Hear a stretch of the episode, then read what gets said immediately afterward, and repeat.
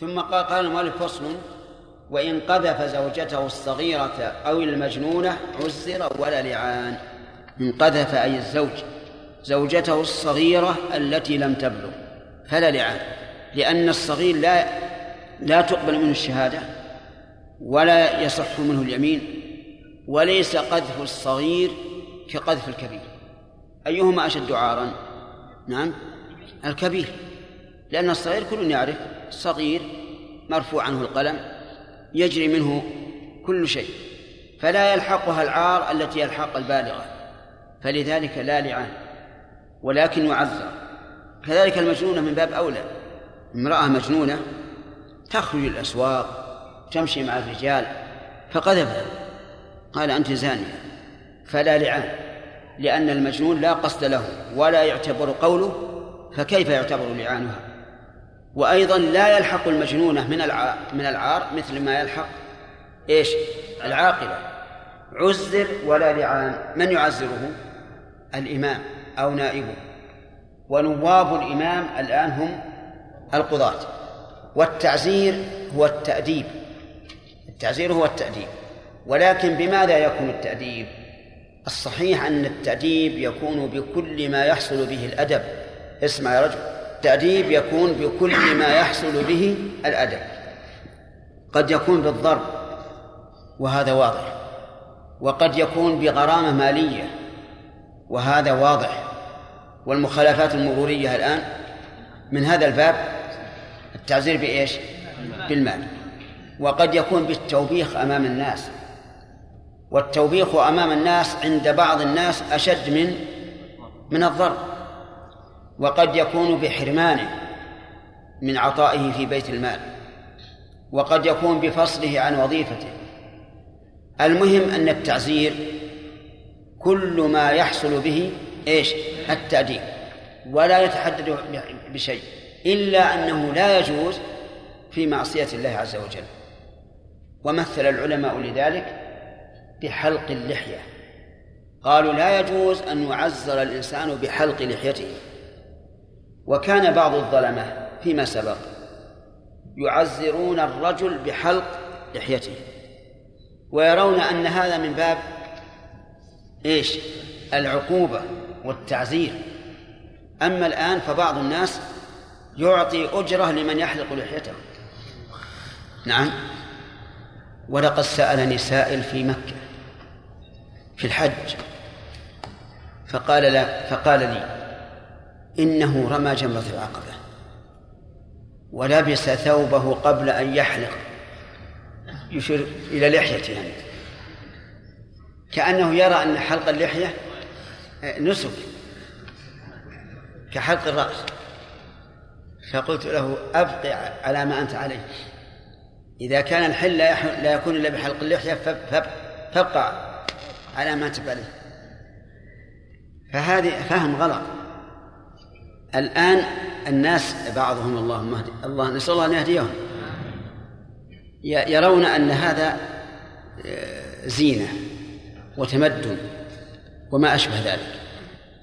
بعض الظلمة فيما سبق يعزر بحلق اللحية ولهذا نص الفقهاء رحمهم الله في باب التعزير أنه يحرم التعزير بحلق اللحية. فخذ الآن القاعدة. التعزير في اللغة التأديب. وفي الاصطلاح كل ما يحصل به التأديب. ما لا يتقيد على قول الراجح بأي شيء. هذا الرجل الذي قذف زوجته الصغيرة والمجنونة نعزره بما يرى الإمام أو أو نائب الإمام أنه يحصل به التأديب. قال قال رحمه نعم. عزر ولا لعان. ومن شرطها من شرط اللعان قذفها بالزنا لفظا. لا بد أن يقذفها باللفظ. لا تكفي الإشارة. ولكن الكتابة المعبرة تكون بمنزلة اللفظ. لو كتب لها بسم الله الرحمن الرحيم أنت يا فلانة زانية. حصل حصل القذف مثاله كزنيت أو يا زانية. أو رأيتك تزنين في قبل أو جبر أو ما شابه ذلك من الكلمات التي هي صريح في القذف. فإن قال وطئت بشبهة فليس بقذف. أو قال وطئت مكرهة فليس بقذف. أو وطئت نائمة فليس بقذف. لأن هذا ليس ليس زنا. إذا وطئت بشبهة فهي معذورة. مكرهة معذورة. نائمة معذورة. فليس قذفا بالزنا. ولذلك لا لا نحد الزوج ولا نعزره ولا لعان. طيب. بقي أن يقال إذا قال إنك وطئت بشبهة أو مكره أو نائمة فهل يلزمه أن يتجنبها حتى تعتد بثلاثة قروء؟ أو لا يلزمه إلا بحيضة واحدة؟ أو لا يلزمه مطلقا هذه ثلاثة أقوال آه ثلاثة احتمالات هذه ثلاثة احتمالات. انتبه. أقر الرجل أنه وطئت وهي نائمة أو مكرهة. الآن أقر بأنها وطئت. فهل يلزمه أن يتجنبها حتى يعلم أن رحمها بريء نقي؟ إما بثلاث قروء أو بقرء واحد يحصل به الاستبراء. أو لازمه أن يتجنبها. كم الاحتمالات؟ ثلاثة. أصح هذه الاحتمالات أنه لا يتجنبها. أنه لا يتجنبها. بل ينبغي أن يبادر بجماعها حتى لا تلحقه الوساوس فيما بعد ويقول إن حملها امشي ليس مني. وإذا كان النبي صلى الله عليه وعلى آله وسلم قضى بأن الولد للفراش وهو الزوج وللعاهر الحجر فهذا قضاء الرسول عليه الصلاة والسلام. وما دام هذا قضاءه فليس لا فلا يلحقنا حرج. ومن العلماء من قال يجب أن تستبرأ بحيضة لاحتمال أن يكون حملت ولا تلزمها العدة لأن العدة إنما تجب في النكاح. ومنهم من قال تلزم تلزمها العدة ثلاثة قروء. وإذا كانت ترضع وقلنا بهذا القول كم باقي عليها؟ في الغالب أن التي ترضع لا تحيض. وإذا كانت بدأت يعني بدأت بالرضاع من الآن تبقى سنتين. مشكلة هذه. المهم أن أن أصح الأقوال في ذلك أنه لا يلزمها عدة ولا استبراء وأن وأننا نحب ونرغب أن نبادر بجماعها حتى إذا حملت لم يكن عليه لم يكن في قلبه شك بالنسبة للولد. سهل وقت طيب بارك الله فيك. نكمل ولا نمشي؟ ولا نقف؟ لا الظاهر إنه لا, لا اللي بعد يعني. جيد. يعني يحتاج إلى تأمل. أفهمتم؟ هذه هذه مسألة مهمة يا أخوان. أحيانا تغتصب زوجة الرجل. ويأتيها رجل فاجر ويعلم الزوج وهي تعلم أنه حصل الجماع فالقول الذي ترتاح إليه النفس وهو مقتضى حكم الرسول صلى الله عليه وسلم أنها إيش؟ لا تعتد ولا تحرم على زوجها. وأن لزوجها أن أن يجامعها فورا ونستحب له ذلك حتى لا يلحقه القلق فيما بعد أو الشك.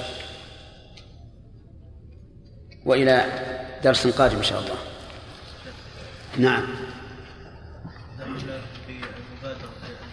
نعم. لا يؤدي هذا إلى اختلاط من يقول انها انها انها, إنها حملت من الزاني؟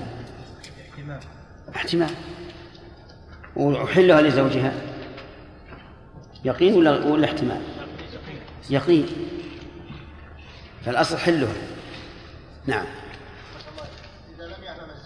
إذا لم يعلم الزوج أنه نعم.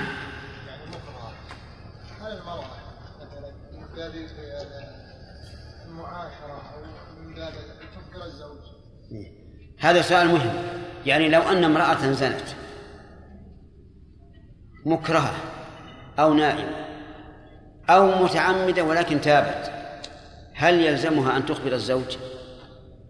أما على القول بوجوب الاعتداد فيلزمها أن أن تخبر الزوج حتى يتجنبها وأما على القول الراجح فلا يلزمها.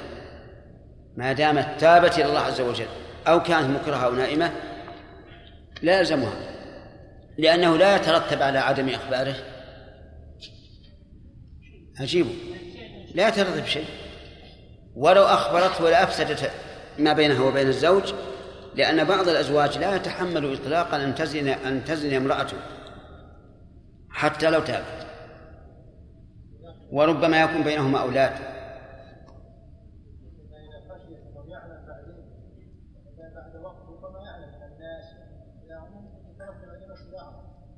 هذا ربما ننفصل عنه بأن نقول إذا علم وقال لها مثلا تقول له القضية كذا وكذا أنها مكرهة أو نائمة أو مختارة ثم تابت وأنها لم تخبره لأنها تعلم أنه لا يترتب على عدم إخباره شيء ما دمنا اخترنا القول بأنه لا يجب لا يجب اجتنابه نعم بارك الله فيكم يعني في بعض البلدان التي لا توجد محاكم حتى حتى يكون لعان يعني هل يمكن يوكل عالم محترم مثلا. بينهما هذا اللعان أي نعم. هذا سؤال مهم يقول في بعض البلاد ما في حاكم شرعي. نعم. وربما لا يهتم بهذه الأمور أيضا. فهل يجوز أن يختار الزوجان شخصا يتلعنان عنده؟ الجواب نعم يجوز. وهذه خذها قاعدة. أنه يجوز للمتخاصمين أن يحكم بينهما رجلا صالحا للقضاء.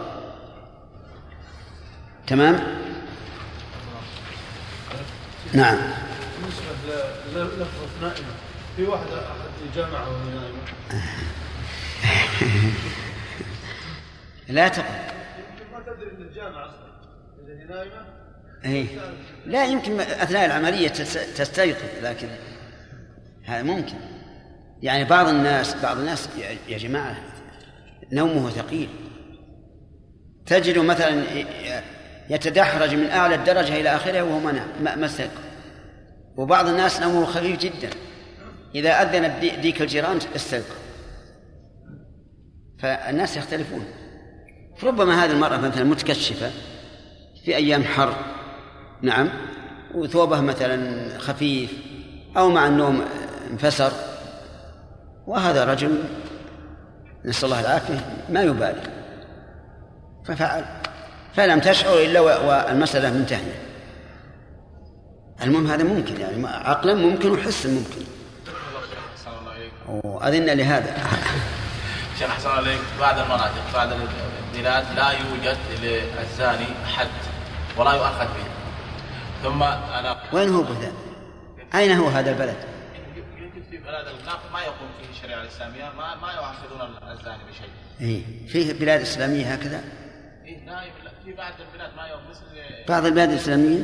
لا ما ما إسلامية. اي زين لا يحكم بالشريعة الإسلامية تمام. ما يبادون ما يؤاخذون. اي مثل مثل كاميرون يعني لا ياخذون مثلت الآن إيه. إيه؟ الآن شيخ في قبائل يأخذون مثل إذا واحد زنى ب ب بواحد منهم أو بابنتهم أو أو زوجتهم. كيف زنب واحد منهم. كيف زنب؟ تلوط لا. أنت تقول زنب واحد منهم. واحدة. إيه. شيخ يأخذون عليها مال. هذا المال يرضى هذا الإنسان الا يزني أو لا الا يعود مرة ثانية. اي يرجعوا إيه. شيخ هل لهم أن يأخذوا هذا المال؟ لا. لأن هذا في حد مقدر شرعا. الزانة والزاني فاجلدوا كل واحد منهما مائة جلدة والمحصن يرجم. الشيخ قال الحكم هذا ما يوجد وإذا جلدت 100 جلدة انت يعني تستبعد الإبعاد نهائي أو يعني يحكموك حكومه صعبة ما تستطيع تتخلص منها. جريمة يا ترى إيه هذا جريمة. إقامة الحد جريمة. إقامة الحد جريمة أكبر من. طيب وأخذ المال؟ أخذ المال عادي ما يقرون عليه. عادي لأنهم ألفوه. ما يجوز هذا أبدا. يا إما يحكمون بالشرع ولا يتركونه. الشيخ إن تركت حصل المفسدة ها؟ إذا تركت هذا أي. الشيخ حصل وش- ليل والنهار ما يتركون آه، لأنهم لا الله كيف عزفه الناس مثل الحمير ليل ونهار. عجيب. أترك السؤال هذا يا رجال. أنت الآن تأتينا ب- إما بمحدثات الأمور ولا بعظائم الأمور؟ ولهذا يجب أن- أننا نعزلك بعدم واقع هذا. بعدم الإجابة على السؤال. الشيخ هذا واقع. وش يسوي؟ سوى اتركه. عجيب. الحين الشيخ البلاد اللي تحكم بالدساتير الدستور هذا الطاغوت نسأل الله العافية. هذا اللي غير المملكة، المملكة تحكم بالشريعة جزاهم الله خير. آه، البلاد أغلب البلاد الإسلامية اللي تحكم ب- بال- بالدستور. التحرش بالمرأة أشد من الزنا بها. أعوذ بالله. لأن الزنا قد تكون هي راضية فهذا خلاص إذا تحل وديا وكذا. أما التحرش هذا اعتداء شخصي أو على يعني حرية شخصية. هذه جريمة أكبر. أعوذ بالله. نسأل الله العافية. من يضلل الله فلا هادي له. الزوجة. هذا شرع. وهو متى ومن شرطه هذا من الشرع. لا متى وإذا سقط وإذا تم. إذا تم سقط وإذا تم سقط عنه. وإذا تم سقط. وإذا تم سقط عنه الحد والتعسير وتثبت الفرقة بينهما بتحريم المؤبد بسم الله الرحمن الرحيم. الحمد لله رب العالمين وصلى الله وسلم على نبينا محمد وعلى آله وأصحابه ومن تبعهم بإحسان إلى يوم الدين. سبق أنه من شرط اللعان أن يقذف الزوجة بالزنا صريحا. فإن لم يقذف بالزنا صريحا بل قال رأيت عندها رجلا أو ما أشبه ذلك فإنه لا يتم اللعان حتى يقذفها بالز- بالزنا صريحا.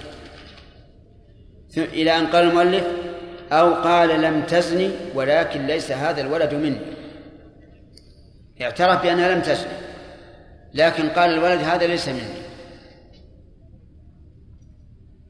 فماذا يكون إذا نفى أن تزني ثم قال ليس مني؟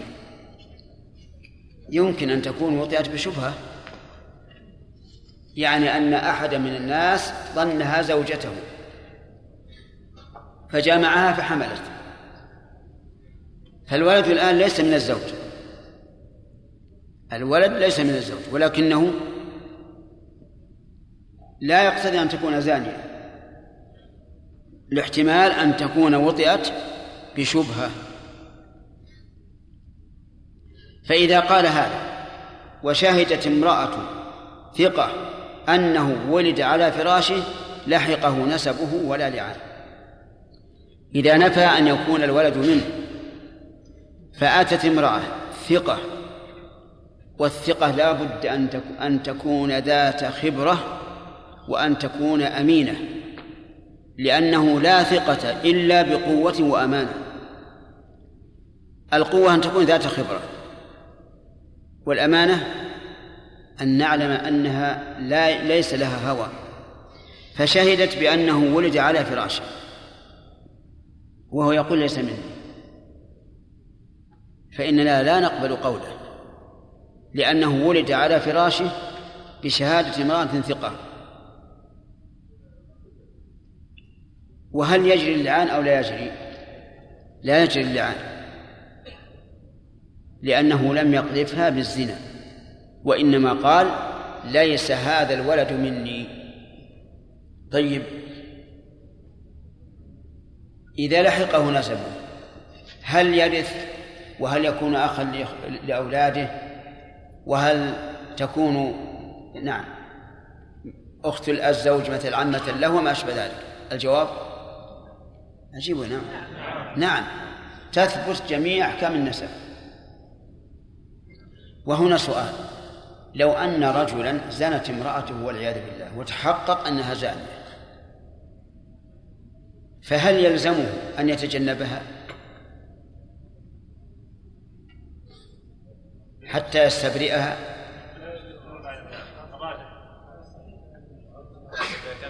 ذكرنا بالأمس أقوالا ثلاثة. أحدها أن تعتد بثلاث قروء والثاني أن تستبرئ بحي- بحيضة واحدة والثالث أنه لا عدة ولا استبراء. وقلنا أن هذا القول هو الصحيح وأنه ينبغي للزوج أن يبادر فيجامعها حتى لا يلحقه الشك بأن الولد ليس- ليس منه. إذا إذا أصر الرجل على أن الولد ليس ولده ولم تشهد امرأة بخلاف ذلك. فهل يجوز أن يلاعن لنفي الولد؟ المذهب لا يجوز. ولهذا قال ولا لعان. ماذا يصنع؟ وهو يعلم أن الولد ليس ولده. إما لكونه قد تجنبها منذ سنة أو أكثر أو لأي سبب من الأسباب. المهم أن الرجل لا يريد الولد. يقولون يلحقه شاء أم أبى. إذا قال أنا أريد أن أنفيه عن نفسي فالمذهب يقولون إذن يقذفها بالزنا أولا ثم يلاعن. ولا شك أن هذا قول منكر. كيف يقذفها بالزنا وهو يعلم أنها ليست زانية؟ وكيف يدنس عرضها وهو يعلم أن عرضها طاهر؟ إذن نقول القول الراجح أنه يجوز أن يلاعن لنفي الولد فقط. إذا تأكد أن الولد ليس ولده فله أن يلاعن لنفي الولد. كيف يلاعن لنفي الولد؟ يعني يقول أشهد بالله أن هذا الولد ليس منه أربع مرات. في الرابعة في الخامسة يقول وأن لعنة الله عليه إن كان من الكاذبين. وإذا لاعن هو فقط ثبت الحكم أنه ليس ولدا. واضح يا جماعة؟ هذا القول هو الراجح. لأنه لا نسأل الله لنا ولكم السلامة. هذه بلوى. الرجل يعرف أنه أن له عن زوجته سنين وأتت بولد ويقول ليس مني. نقول لازم يلزمك لا فلا وجه لهذا القول. ثم إذا قلنا لا بد أن تقذفها بالزنا ثم تلعن هذا أنكر وأنكر. ولا يمكن. طيب فإن فإن سكت الر- الرجل وهو يغلب على ظنه أن الولد ليس منه فهل له ذلك؟ الجواب نعم. لأن النبي صلى الله عليه وعلى آله وسلم قال الولد لمن؟ الولد للفراش. وقضى بالغلام لعبد بن زمعة مع أن فيه شبها بينا بعتبة بن أبي وقاص. وقال الولد الولد للفراش وللعاهر الحجر. قال و و وإذا تم يعني إذا تم اللعان سقط عنه الحد. حد إيه؟ حد القذف والتعزير. تعزير إيش؟ تعزيره إذا كانت الزوجة غير محصنة. لأن قذف غير المحصن يوجب التعزير. وثبتت الفرقة بينهما بتحريم مؤبد. يعني تكون عليه حراما على التأبيد. من غير نسب. ولا ينتشر هذا التحريم إلى أقاربها. بل إليها وحدها. تحرم عليه تحريما مؤبدا. جاءت بذلك السنة عن رسول الله صلى الله عليه وسلم. ثم قال المؤلف فصل من ولدت زوجته من أمكن كونه منه لحقة.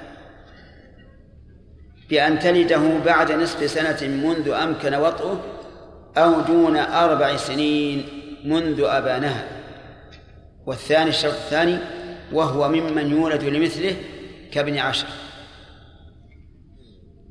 هذا في بيان ما يلحق من النسب وهو فصل مهم.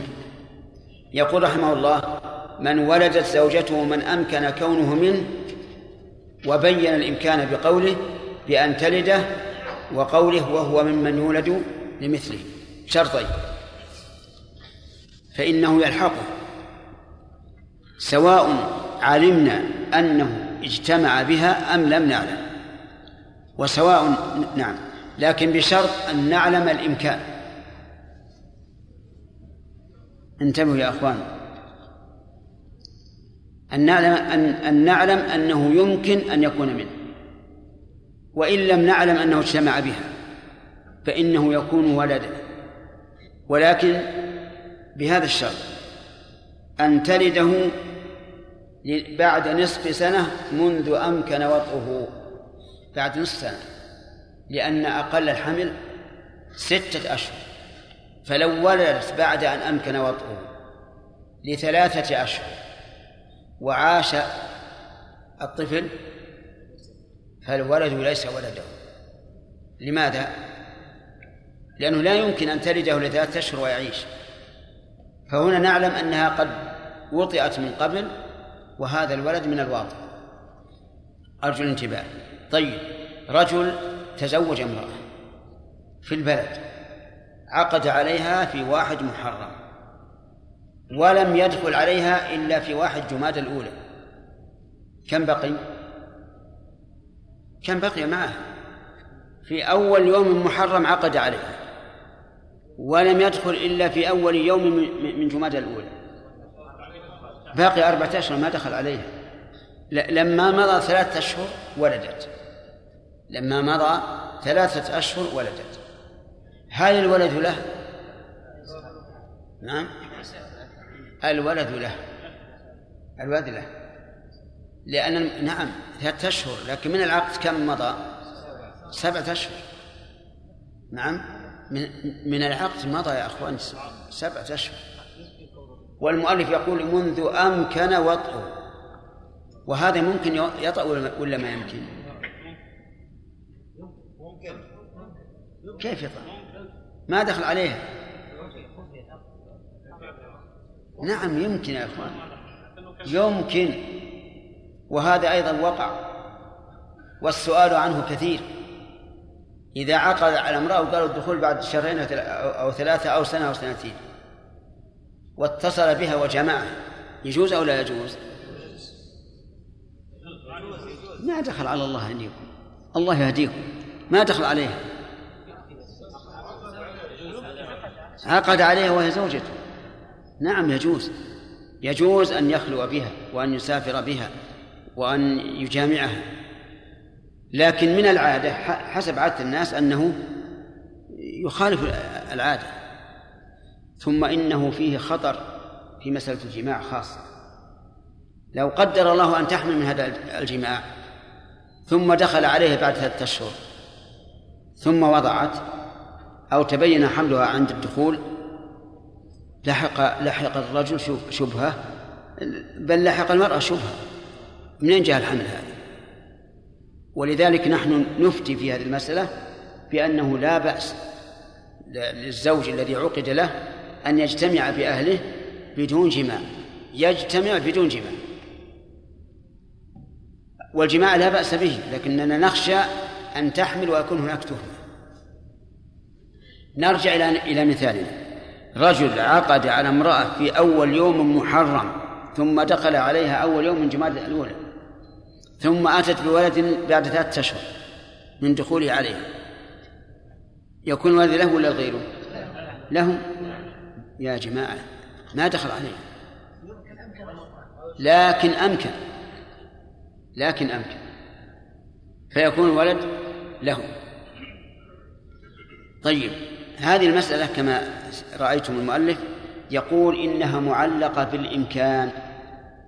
إمكان أن يكون ولد منه. هناك قول آخر. أن المرأة لا تكون فراشا إلا بعد الجماع. وقبل ذلك ليست فراشا. وذلك لأن هذا هو الحقيقة. متى كانت فراشا له؟ بعد أن جامعه. والنبي صلى الله عليه وعلى آله وسلم يقول الولد للفراش. فإذا علمنا أن هذا الزوج لم يدخل على المرأة ولم يجتمع بها لأنه في بلد بعيد وهي في بلد بعيد وهي محفوظة عند أهلها. وعلمنا أنه لم يدخل عليها. فهل يكون الولد له في المثال الذي ذكرنا؟ عجيب يا جماعة. لا على القول الصحيح لا يلحق به لا يلحق به. لأننا تيقنا أن الزوج لم يجامعها ومن أين يأتي الولد؟ إلا من الجماع. أرجو الانتباه يا جماعة لأن هذه مسألة خطيرة جدا. صار المذهب أنه متى أمكن أن يجامعها فالولد ولده وإن لم نعلم أنه جامعها القول الثاني وهو الصحيح أنها لا تكون فراشا إلا إذا إذا جامعها وبناء على ذلك في المثال اللي ذكرنا يكون الولد له ولا لغيره؟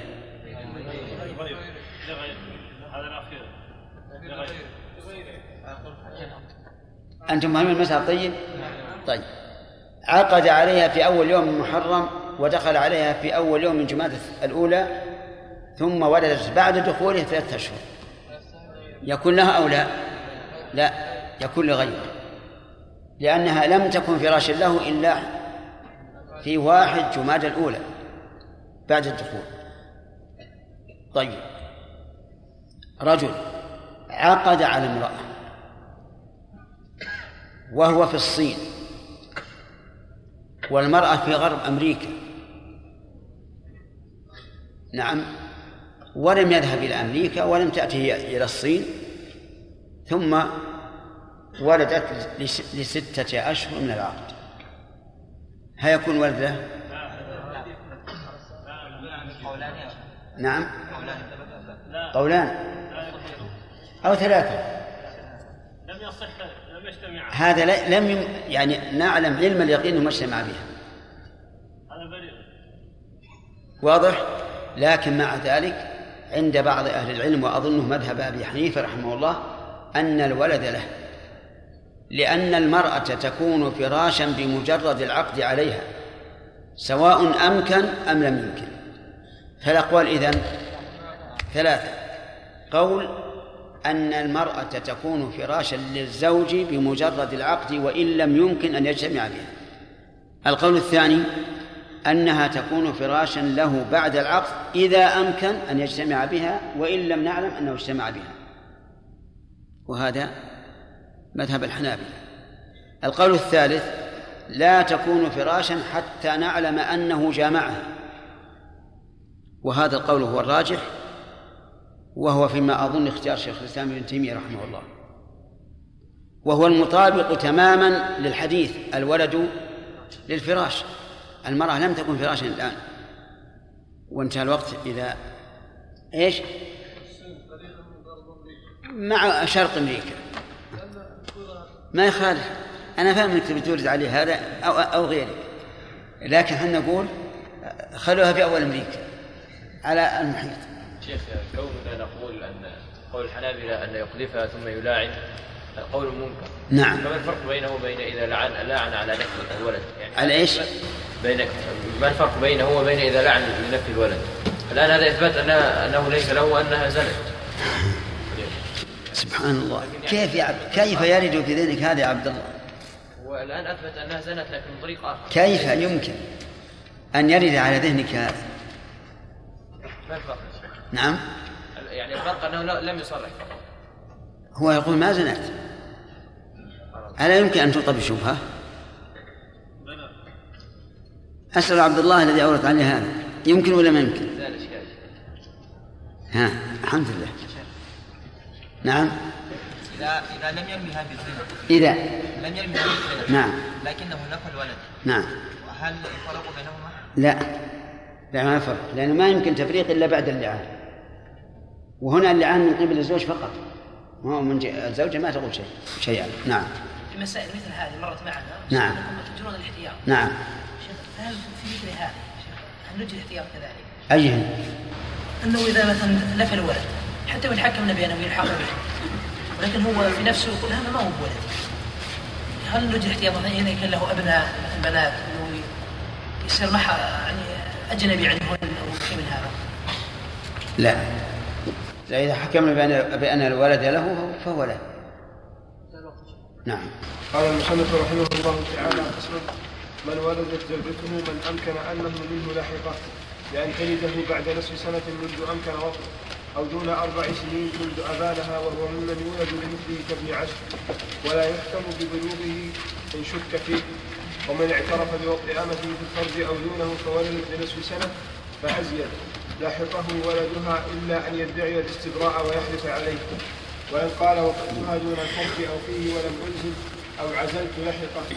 وإن اعتقها أو باعها بعد اعترافه بوطئها فأتت بولد من دون نصف سنة لحقه والبيع باطل. بسم الله الرحمن الرحيم. هذا الفصل في بيان لحوق النسب. بماذا يلحق النسب الإنسان؟ قال من ولدت زوجته من أمكن كونه منه لحقه. هذا الضابط. إذا ولدت زوجته مولودا ذكرا أو أنثى أمكن أن يكون من زوجها فإنه يلحقه سواء اعترف بوطئها أم لم يعترف. يقول إمكان ذلك بأن تلده بعد نصف سنة منذ أمكن اجتماع نعم منذ أمكن وطئه أو دون أربع سنين منذ أبانها. إذا ولدته بعد نصف سنة منذ أمكن وطئه وهي زوجته فالولد ولده لأن أقل مدة الحمل ستة أشهر وقد حصلت. تزوجها في أول يوم محرم وأمكن أن يدخل بها. أمكن أن يدخل لكن ما دخل. هي ولدت في رجب. كم بين ولادتها وعقد النكاح؟ كم؟ ستة أشهر. نقول الولد ولد. لأنها ولدت بعد زمن يمكن أن يعيش فيه الولد وهو ستة أشهر. لأن أقل الحمل أقل مد لأن أقل مدة يعيش فيها الحمل ستة أشهر. والدليل قول الله تبارك وتعالى وحمله وفصاله ثلاثون شهرا. وقال وفصاله في عامين. أسقط عامين من ثلاثين شهرا اللي هي مدة الحمل. لأن قال حمله وفصاله ثلاثون شهرا. فإذا جعلنا الفصال سنتين أربعة وعشرين شهرا يبقى ستة أشهر. نقول الولد ولد. وظاهر كلام المؤلف سواء جامعها أم لا. ما دام يمكن أن يجامعها. والمرأة بمجرد العقد يمكن زوجها أن يجامعها. صح؟ إذا نحسب من من العقد إلى وضع الحمل. إذا بلغ ستة أشهر فما فوق؟ فالولد ولده. فإذا قال أيها الناس إنني لم أجامع هذه المرأة. قلنا لكن الولد ولدك. قال النبي صلى الله عليه وعلى آله وسلم الولد للفراش. وهذا أحد القولين. وسبق الإشارة إليه. ذكرنا أن بعض العلماء يقول متى عقد عليها؟ فالولد ولده سواء أمكن وطئه إياها أم لا. وذكر بعض العلماء أن العبرة بإمكان الوطء وهو المذهب عندنا. وقال آخرون العبرة بالوطء لأن قول النبي صلى الله عليه وعلى آله وسلم الولد الفراش يخرج ما إذا لم يجامعها لأن إلى الآن ما صارت ما صارت فراش الله وهذا القول الثالث هو الأخير هو الصواب. لكن النبي يمشي على المذهب على ما مشى عليه المؤلف يقول أو دون أربع سنين منذ أبانها دون أربع سنين منذ أبانها يعني طلق الإنسان امرأة. وانتهت عدتها بعد ثلاثة أشهر. ثم أتت بولد بعد أربع سنين إلا خمسة أشهر. الآن ولدت لأقل من أربع سنين منذ أبانها الولد ولد من؟ ولده. ولده. لأن أكثر مدة الحمل أربع سنين. وهذه أتت به لأقل من من مدة الحمل. لأقل من أكثر مدة الحمل. فيكون الولد ولده. أما لو أتت به بعد أربع سنين منذ أبانها فالولد ليس ولدا له بناء على أن أكثر مدة الحمل أربع سنين. إذا قال قائل ما هو الدليل على أن أقل أكثر مدة الحمل أربع سنين؟ ما هو الدليل؟ لم نجد دليلا. أقل الحمل وجدنا دليلا. وهما آيتان من كتاب الله سمعتموه. أكثر الحمل ما فيه دليل. أربع سنين. من قال هذا؟ قالوا لأن هذا أكثر ما وجد. أكثر ما وجد أربع سنين. فنقول تقييد الحكم بالوجود يحتاج إلى دليل لأنه قد تأتي حالات نادرة غير ما حكمنا به وهذا هو الواقع. وجد بعضهم لم لم يولد إلا بعد سبع سنين. ولد وقد نبتت أسنانه. سبحان الله يعني تعدى موضع الرضاع. نعم وجد. وجد أكثر من هذا. وجد إلى عشر سنين. وهو في بطن أمه حيا. لكن الله عز وجل منع نموه وإلا لشق بطنها لكن نموه بقي. فيقال إن هذا مسألة أكثر الحمل خاضع للواقع. فإذا علمنا أن هذه المرأة لم يجامعها أحد وبقي الحمل في بطنها خمس سنين ست سنين ونحن نعلم أن المرأة ما جومعت. هل نقول هذا الولد ليس لزوجها؟ لا يمكن أن نقول هذا. ونحن نعلم علم اليقين أنها ما جمعها أحد. نقول هو لزوجها وإن بقيت عشر سنين. فالصواب أنه لا أنه ليس لأكثر الحمل مدة. بل متى علمنا أنها لم توطأ فما في بطنها فما في بطنها حمل إلى أن إلى أن يخرج. أو نقول حتى يولد له. ما نقول حتى يولد له؟ ليش؟ نعم. تزوج؟ لا لا. ما تزوجت. كيف توقفون في هذا يا جماعة؟ أقول كيف توقفون هذا؟ هل يمكن الحمل يتزوج؟ طيب ليش إنكم توقفون؟ أنا قلت إنه الحمل لا حد لأكثره لأكثره حتى يولد له. هل يمكن هذا؟ يولد للحمل. هذا لا يمكن يا جماعة ولا يحتاج توقفون فيه إلا إذا كانكم ما تصورتوه جيدا طيب على كل حال الخلاصة أن القول الراجح أن الحمل له أقل وليس له أكثر. لكن المؤلف ماشي على على المشهور من المذهب أن أكثره أربع سنوات. لكن شوف الشرط. من أمكن كونه منه. الشرط الثاني وهو ممن يولد لمثله. ولو جعل هذا الشرط ضمن الأول لكفى. لأنه إذا كان لا لا يولد له إيش؟ لا يمكن أن يكون الحمل له لكن زيادة زيادة إيضاح. وهو ممن يولد لمثله كابن عشر ابن عشر. يمكن يولد لمثل ابن عشر. ابن عشر سنين. هل قد يمكن يولد لمثله؟ عجيب. إيه؟ وغير هذه اول ابن عشر يا شيخ رجال الحين صغار. على كل حال ابن عشر يقولون إنه يمكن أن يولد له ويذكر أن عبد الله بن بن عمرو بن العاص وأبوه عمر ليس بينهما إلا 11 سنة. إلا 11 سنة. يعني أنه أن عبد الله ولد لأبيه وله عشر سنوات إحدى عشر سنة. وهذا شيء مرجعه للتجارب وللعادات وللبيئات. وكما قال الأخ فيصل ابن عشر من أول من أول كان كبيرا قويا. الآن شجرة ظلال. تعرفون شجرة الظلال شجرة الظلال دائما ذاوية ما تنمو سريعا. لكن شجرة الشمس ما شاء الله قوية وتنمو بسرعة. إذا مرجع هذا على القول الراجح إلى ما يقرره الأطباء. إذا قالوا هذا يولد لمثله فهو يولد لمثله. لكن نعم ربما يقال الغالب عشر سنين. قال ولا يحكم ببلوغه إن شك فيه. سبحان الله. يحكم بأن الوالد له ولا يحكم ببلوغه. إذا شككنا فيه. كيف ذلك؟ قالوا لأن الشارع له تطلع وتشوف لثبوت النسب. فيلحق بأدنى شبهة. وأما البلوغ فلا بد فيه من اليقين. وإلا لقال قائل متى حكمتم بأن الولد له يجب أن تحكموا ببلوغه؟ لأن الولد لا يمكن إلا من ماء إلا من مني. وإذا نزل المني ثبت البلوغ ثبت البلوغ. لكن يفرقون بأن بأن النسب يتطلع إليه الشرع فيثبته بأدنى شبهة. فلعله أنزل ولم يشعر مثلا.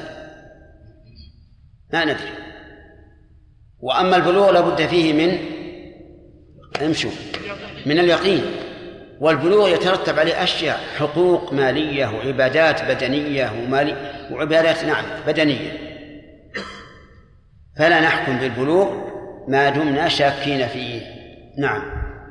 قال ومن اعترف بوطئ أمته في الفرج أو دونه فولدت لنصف سنة أو أزيد لحقه ولدها إلا أن يدعي الاستبراء ويحلف عليه. هذا غير الزوجة رجل قال إنه وطئ أمته يعني ما إيش؟ مملوكته. قال إنه وطئها. اعترف في هذا. فولدت لنصف سنة من من, من اعترافه بالوطء أي من وطئه أو أزيد ما لم تبلغ أكثر الحمل لحقه ولدها إلا أن يدعي الاستبراء ويحلف عليه. فما الفائدة من قولنا لحقه ولد الفائدة أنه يكون له نسب معلوم لهذا الولد.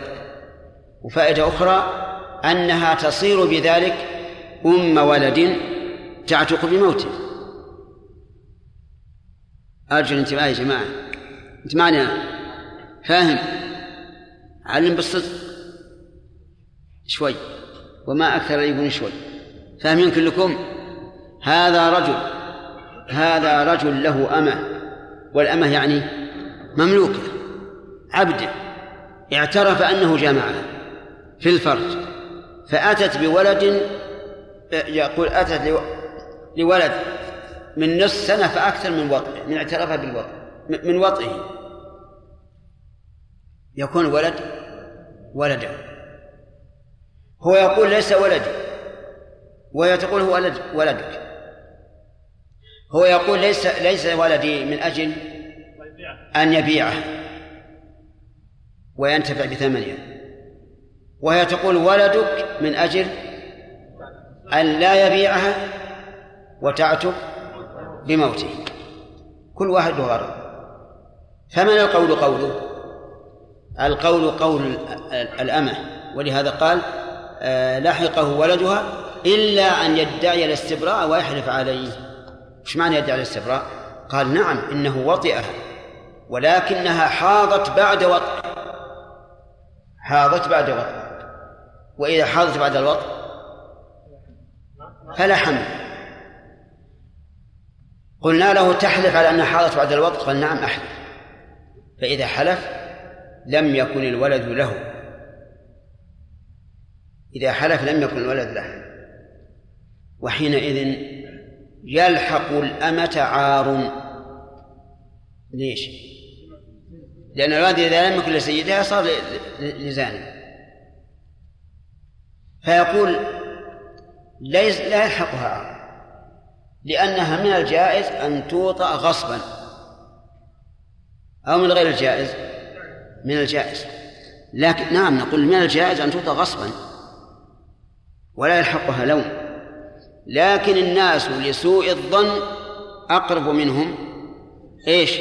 لإحسان الظن. الناس بيقولون خلاص زنت. وإذا قيل أنها زانية كم تساوي؟ نعم. ما تساوي ولا قرش. أما وزانية ما لا قيمة. لكن على كل حال المقصود تحرير المسائل.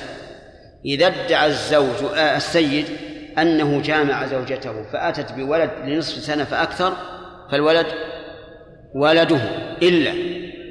إذا ادعى الاستبراء وحلف عليه فالولد ليس له ولده والأمة أمته يبيعها ويرهنها ويتصرف فيها كما شاء. قال. وإن قال وطئتها دون الفرج أو فيه ولم أنزل أو عزلت لحقه إذا قال وطئتها دون الفرج يلحقه الولد. شاء أم أبى. لأن اعترافه بالوطء اعتراف. وكونه في الفرج في غير الفرج دعوة. صح؟ هو يقول وطئته لكن دون الفرج. نقول الآن عندنا شيئان وطئتها هذا اعتراف. دون الفرج دعوة. وإنما يقول دون الفرج لئلا يلحقه الولد. لكن المؤلف يقول لحقه أو قال وطئت في الفرج ولم أنزل ولم أنزل. وطئت في الفرج ولم أنزل. اعترف الآن بإيش؟ بالوطء. وادعى أنه لم ينزل. والأصل الأصل أنه أنزل لأنه ولدت. أو قال عزلت عزلت. والفرق بين الدعوة التي قبلها وهذه أنه في الأول قال لم أنزل مطلقا. والثاني قال عزلت. يعني أنه أنزل لكن خارج الفرج. هذه أيضا دعوة. فيحكم بما أقر به ويترك ما أنكر ما ادعاه. وإن وإن اعتقها أو باعها بعد اعترافه بوطئها فأتت بولد لدون نصف سنة لحقه والبيع باطل. رجل بعد أن جامع أمته نعم اعتقها ثم أتت بولد لدون نصف سنة. فالولد إيش؟ الولد ولده لأنها أتت بولد لا يمكن أن يكون لغيره لأقل من نصف سنة وأقل مدة الحمل ستة أشهر. طيب وكذلك لو باعها بعد أن اعترف بوضعها. ثم أتت بولد لدون نصف سنة فالولد ولده والبيع باطل لأن بيع أم الولد لا يصح. البيع باطل فيرد فترد الأمة إلى سيدها الذي باعها ويرد الثمن إلى الذي اشتراها. نعم. قول بأن أكثر الحمل هذا مدة طويلة هذه نعم. لو. نعم. هذه المدة نعم. قد يثبت الإرث أي معلوم يوقف له. ها؟ ها؟ كيف للأم؟ إذا كانت مطلقة رجعية. نعم. يثبت لها الإرث اي ما زالت في العدة. كما أنه لو راجعها في هذه المدة صح رجوعه نعم. نعم. هذه صورة حصلت رجل لنا في إمرأة وولدت له بنت. آه، ثم عقد آه، الزواج بينهما بموافقة أهل الطرفين. آه، فأبدى لهم بعضهم أن الولد يلحق به بالأب أي أنه تم عقد الزواج بينهم. وقبل الزواج بعد الوضع. لا قبل. أثناء الحمل. عقد له عليها. له عليها وقبل أن يتوبا طيب. آه، العقد عليهم عقد النكاح عليها بعد قبل التوبة باطل بنص القرآن. الزاني لا ينكح إلا زانية مشركة أو مشركة وزانية لا ينكحها إلا زان أو مشرك وحرم ذلك على المؤمنين.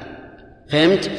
بعد التوبة يرى بعض العلماء أن العقد عليها صحيح وهي حامل لأن الولد قدرا ولده وإن كان ليس ولده شرعا لكنه قدرا ولده.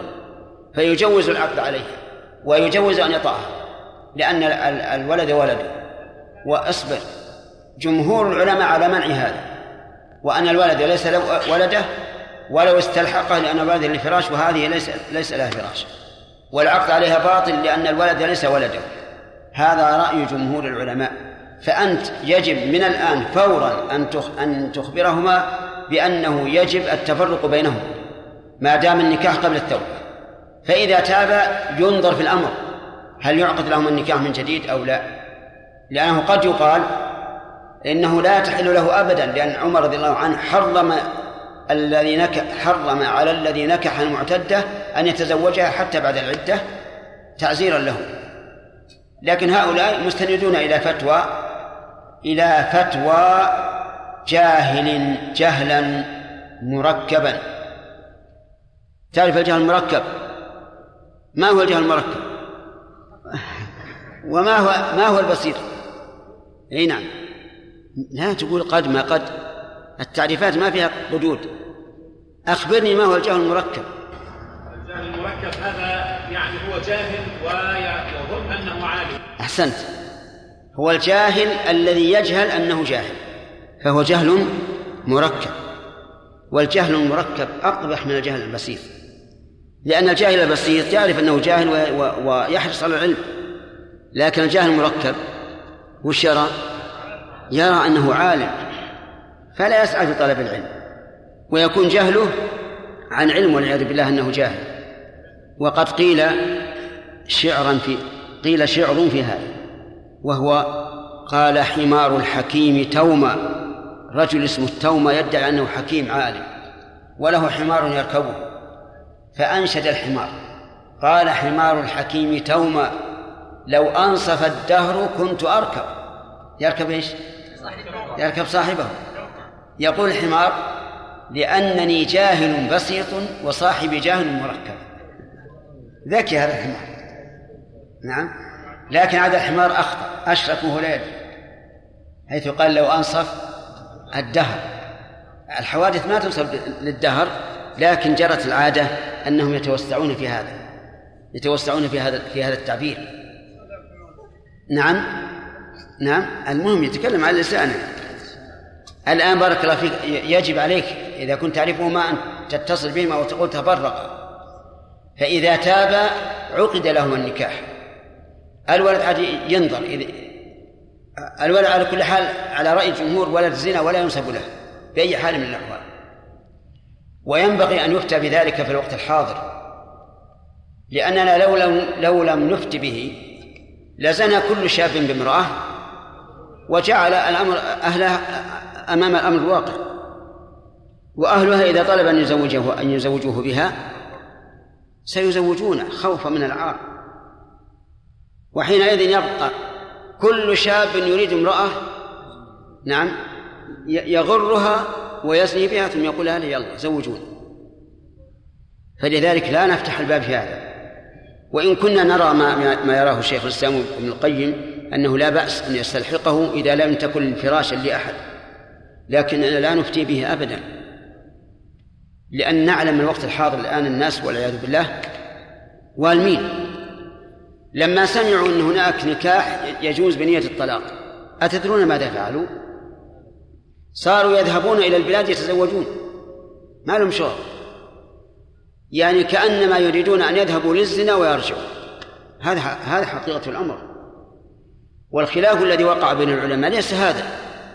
الخلاف الذي وقع بين العلماء قالوا لو تزوج غريب اشتدت عليه العزوبة فتزوج بنية الطلاق إذا رجع إلى وطنه فلا بأس. وبين الصورتين فرق عظيم. لأن هذا لم لم يسافر علشان الجماع. سافر لإيش؟ لغرض. اشتدت عليه العزوبة فصار بين أمرين. إما أن يزني والعياذ بالله وإما أن يطأ بعقد.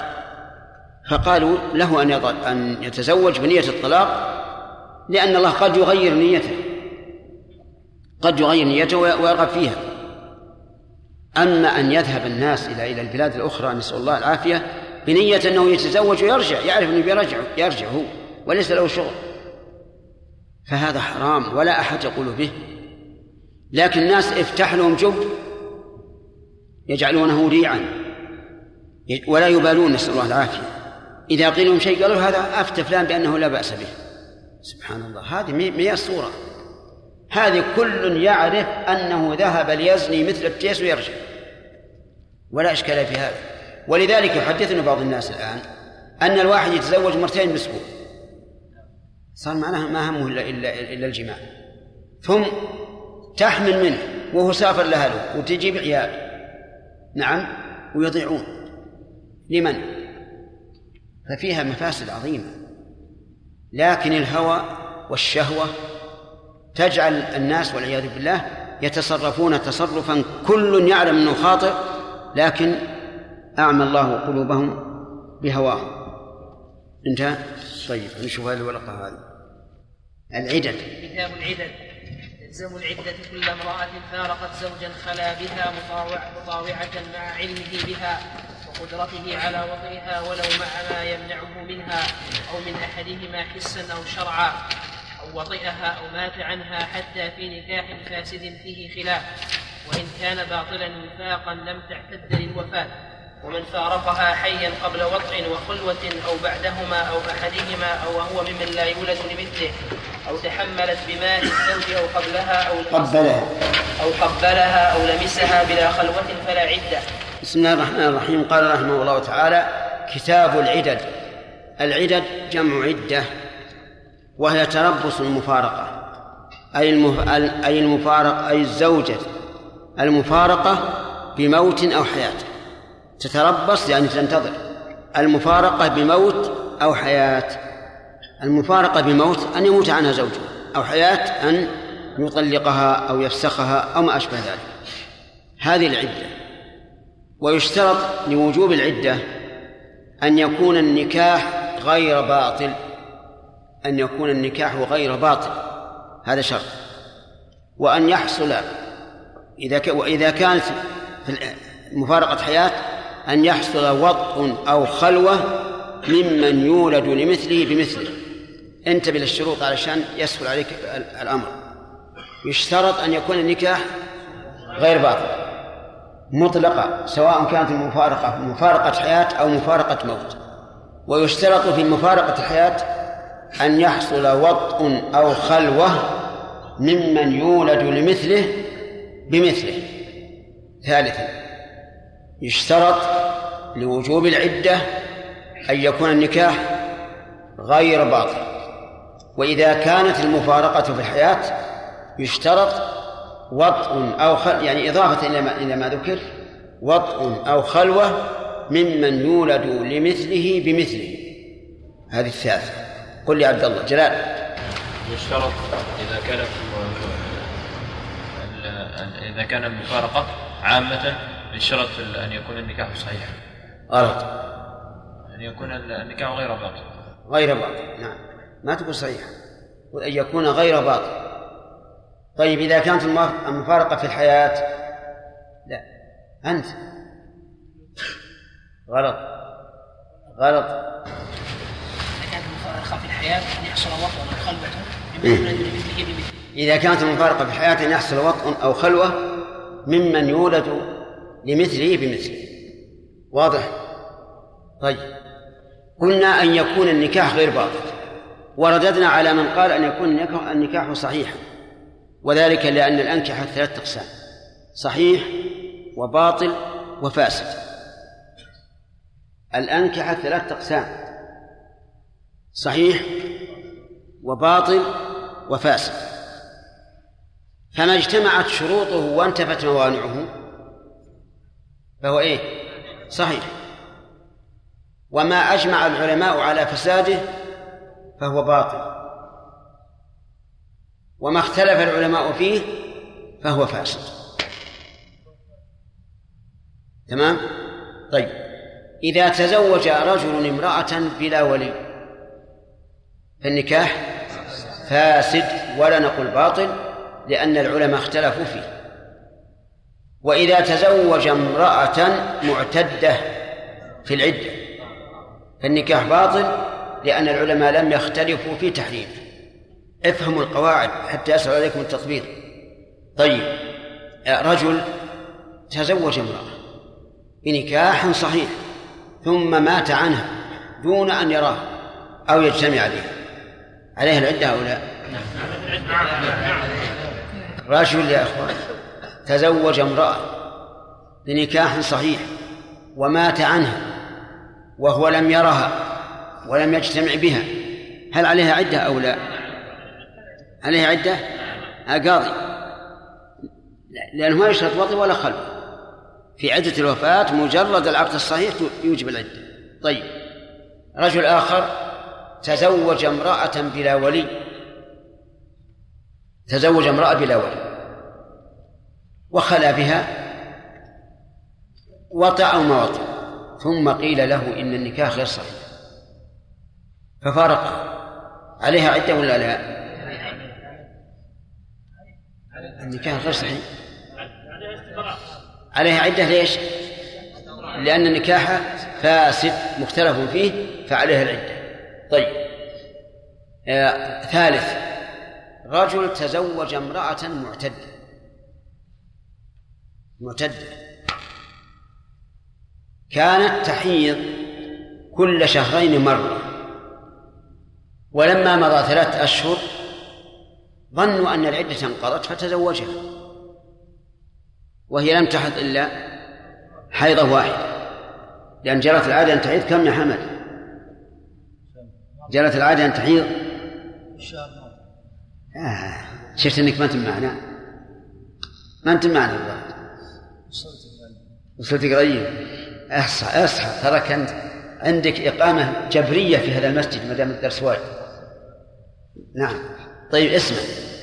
رجل تزوج امرأة معتدة. كانت هذه المرأة يأتيها الحث في الشهرين مرة. كم تبقى من شهر؟ ستة أشهر.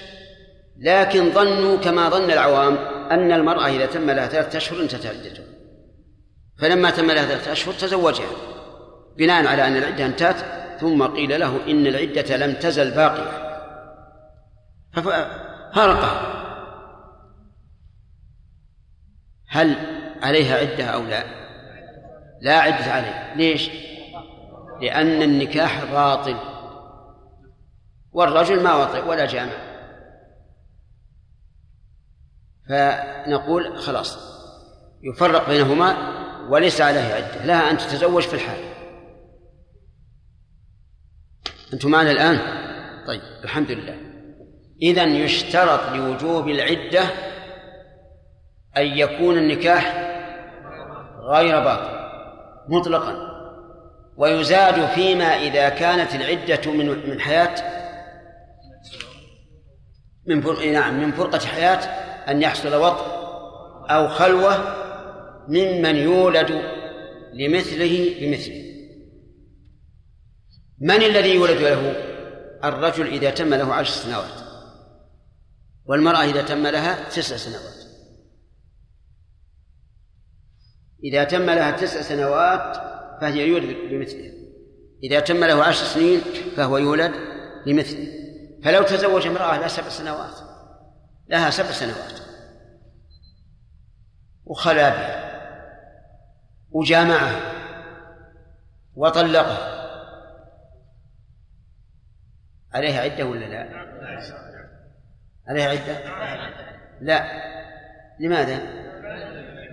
لأنه ما يولد مثله لا يمكن أن يولد المرأة إلا حتى تتم تسع سنوات. قال إنه جامعة. قلنا لو جامعها لا يمكن أن ينشأ حمل في هذا في هذا السن.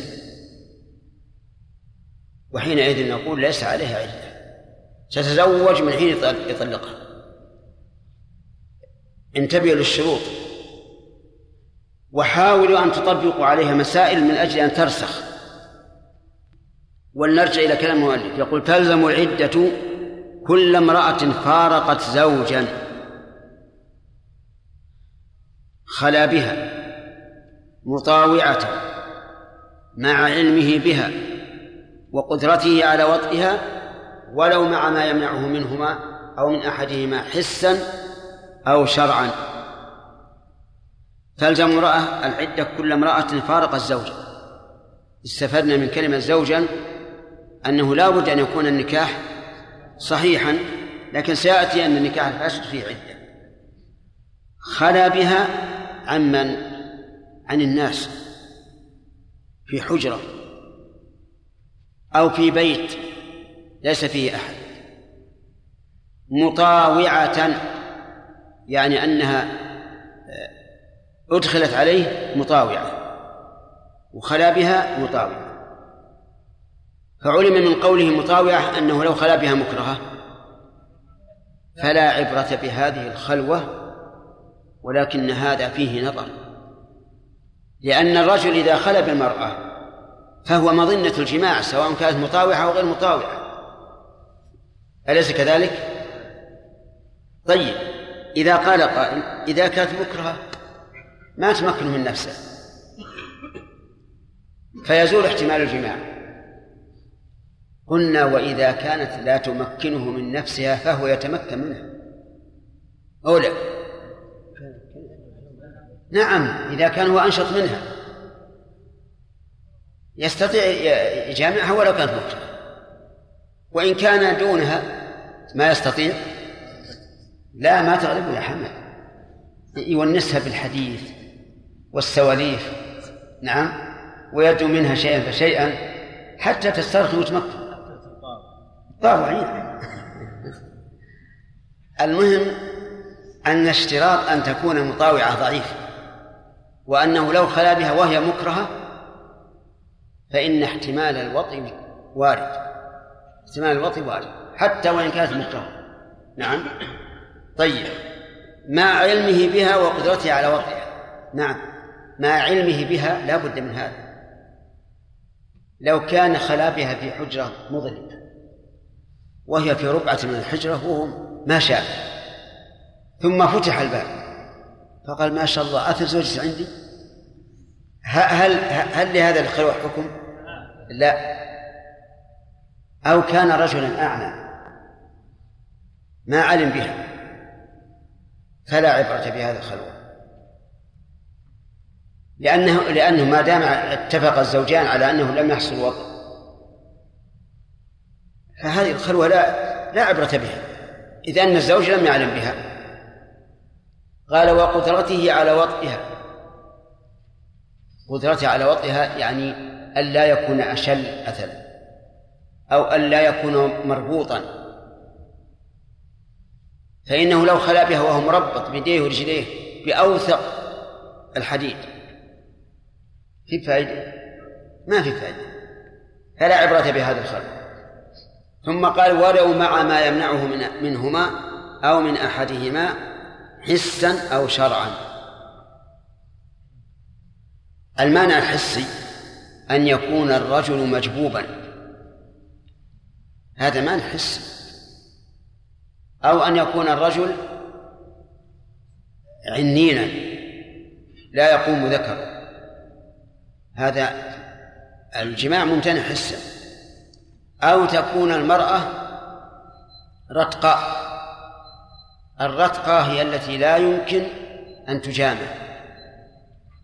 لوجود شيء في فرجها سده ولا يمكن أن تجامع هذا حسي أو شرعي؟ حسي. أو شرعا أن تكون المرأة حائضا. فالوطي هنا ممنوع شرعا. أو يكون الرجل محرما. هذا ممنوع شرعا. الخلوة مع المانع الشرعي تعتبر أو لا تعتبر؟ نعم. تعتبر على رأي المؤلف. لأنه كم من إنسان لا يبالي والعياذ بالله. كم من إنسان يطأ زوجته وهي حائض. وكم من إنسان يطأ المرأة وهو محرم. لكن إذا كان هناك مانع حسي نعلم أنه لا يمكن أن يطأ. فإن هذه الخلوة معتبرة لاحتمال أن ينزل الماء أي المني في الفرج وإن لم يلج الذكر.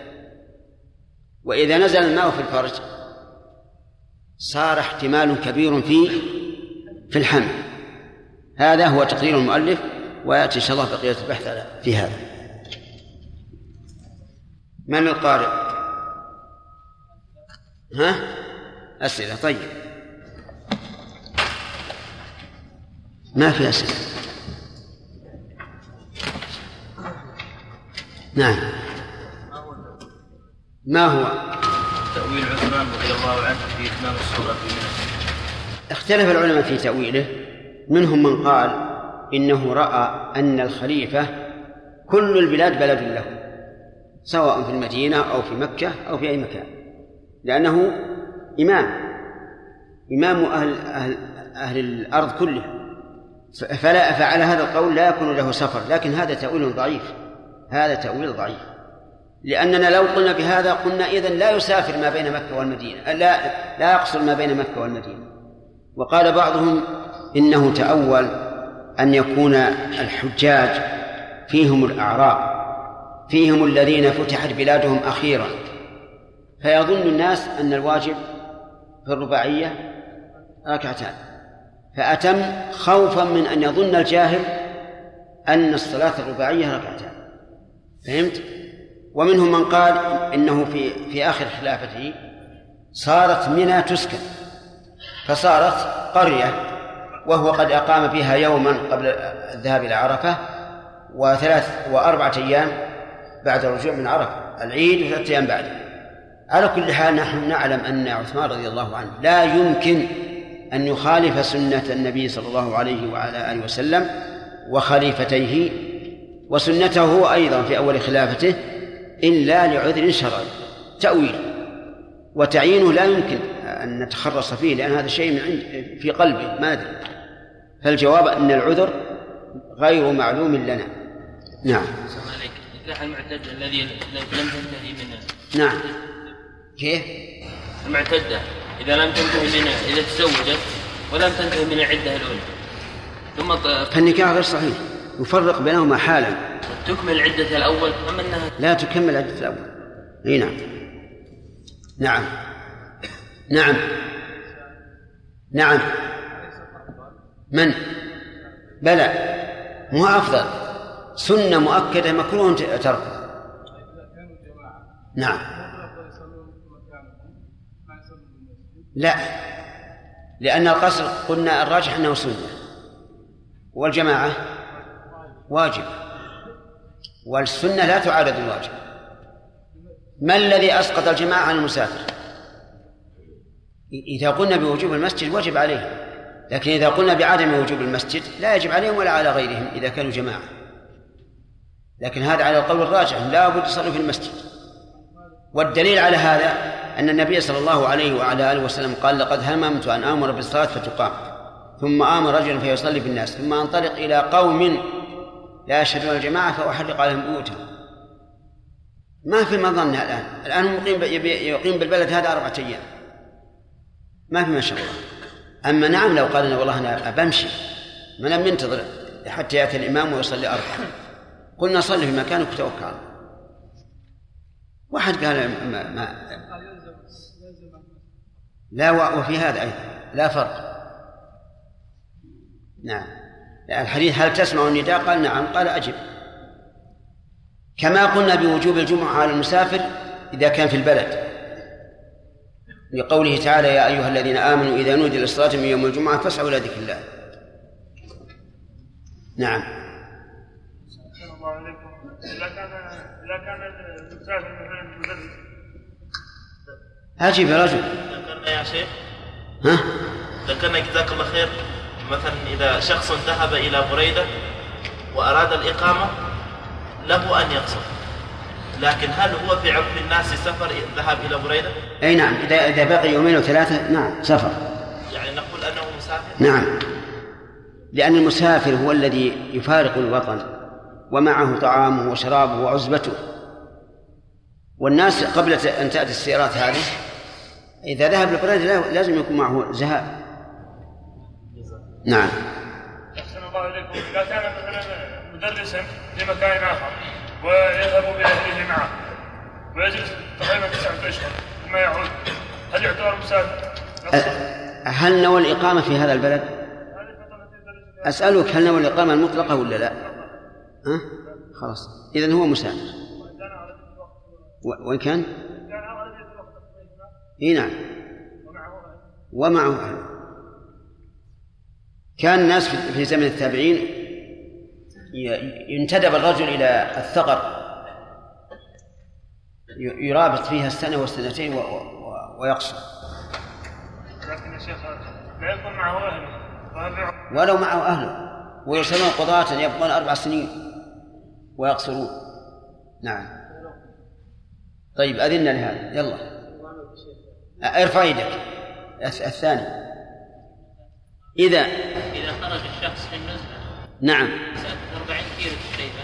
أي نعم. نصف يوم؟ هذا غير مسافر. وكان إمامه يقصر الصلاة. الإمام مجتهد يقصر الصلاة. أي نعم. فإذا قصر الصلاة يقوم هذا ويتم. الذي لا يرى أنه مسافر وهو حقيقة غير مسافر. فإنه يتم. اقرأوا لنا الفقه. نعم. في كتاب العلم. أو وطئها أو مات عنها حتى في نكاح فاسد فيه خلاف. وإن كان باطلا وفاقا لم تعتد للوفاة ومن فارقها حيا قبل وقته قبل وقت وخلوة أو بعدها. خلوة. وخلوة أو بعدها أو بعد أحدهما. أو بعدهما. أو بعدهما أو أحدهما. أو بعدهما أو بعد أحدهما. وهو ممن لا يولد لمثله. أو تحملت بماء الزوج أو قبلها أو لمسها بلا خلوة بلا خلوة فلا عدة. بسم الله الرحمن الرحيم. الحمد لله رب العالمين. ما هي العدة شرعا؟ أحمد. أو طلاق.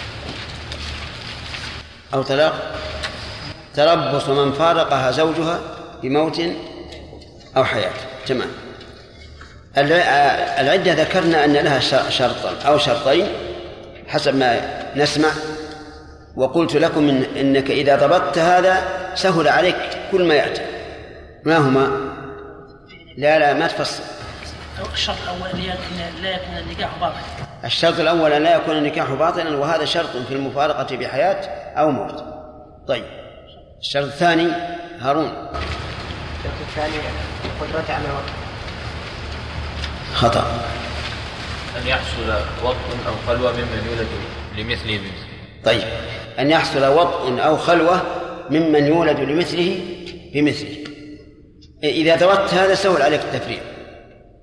فلننظر الآن. آه، يقول أو مات عنها. تلزم الع- العدة كل امرأة فارقت زوجها زوجا أو مات عنها معطوفة على فارقت يعني أو امرأة فا- مات عنها زوجها.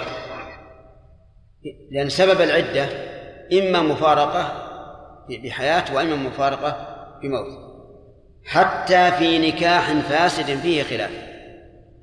يعني حتى لو فارقها في نكاح فاسد فيه خلاف فإنه كالصحيح. إذا حصل إذا حصل وطء أو خلوة ممن يولد لمثله بمثله أو موت وجبت العدة. يقول النكاح الفاسد الذي فيه خلاف. فلنضرب بهذا مثلا. اختلف العلماء رحمهم الله. هل الولي شرط في صحة النكاح أو لا؟ فإذا تزوجت امرأة بلا ولي فالنكاح فاسد. فاسد. وحكمه حكم الصحيح في مسألة العدة. إذا تزوجت امرأة في عدتها من غير زوجها فالنكاح باطل لأن العلماء مجمعون على أنه باطل. هذا النكاح لا أثر له إطلاقا يعني أن وجوده كالعدم فلو مات الزوج فلا عدة ولا ميراث ولا مهر. إذا لم يكن جامعها أنتم معنا جماعة؟ طيب إذن الباطل كما يقولون حبر على ورق. ما فيه ما ليس له تأثير إطلاقا. ما هو الباطل؟ الذي أجمع العلماء على بطلانه. الفاسد حكم حكم الصحيح. حكمه حكم الصحيح. لكن هذا الحكم لماذا أو جعلناه كالصحيح؟ نقول احتياطا. احتياطا. كيف احتياطا؟ لأننا لو قلنا حكم حكم الباطل وصارت قضية ورفع الأمر إلى قاض يحكم بصحته. نعم حصل تناقض. ثم إننا إذا- فرقنا بينها وبين زوجها في النكاح الفاسد بقي في قلوبنا شيء. ما هذا الشيء؟ خلاف العلماء الآخرين لأنه ربما يكون الصواب معهم فيكون تفريقنا غلطا. ولا تحل للأزواج بعد ذلك. فلهذا ألحقنا الفاسد بالصحيح من باب من باب الاحتياط. طيب يقول رحمه الله حتى في نكاح فاسد فيه خلاف هذه بيان للفاسد فهي صفة كاشفة كما يقولون. المثال يا ابن هارون. المثال. وأظن أنك سرحت طيب من يجيب المثال؟ إنك امرأ فيك جداء نعم. نكاح بلا ولي طيب. هذا النكاح بلا ولي إذا فارقها الزوج قبل أن يجامعها عليها عليها العدة أو لا؟ يا أخوان. عليها العدة.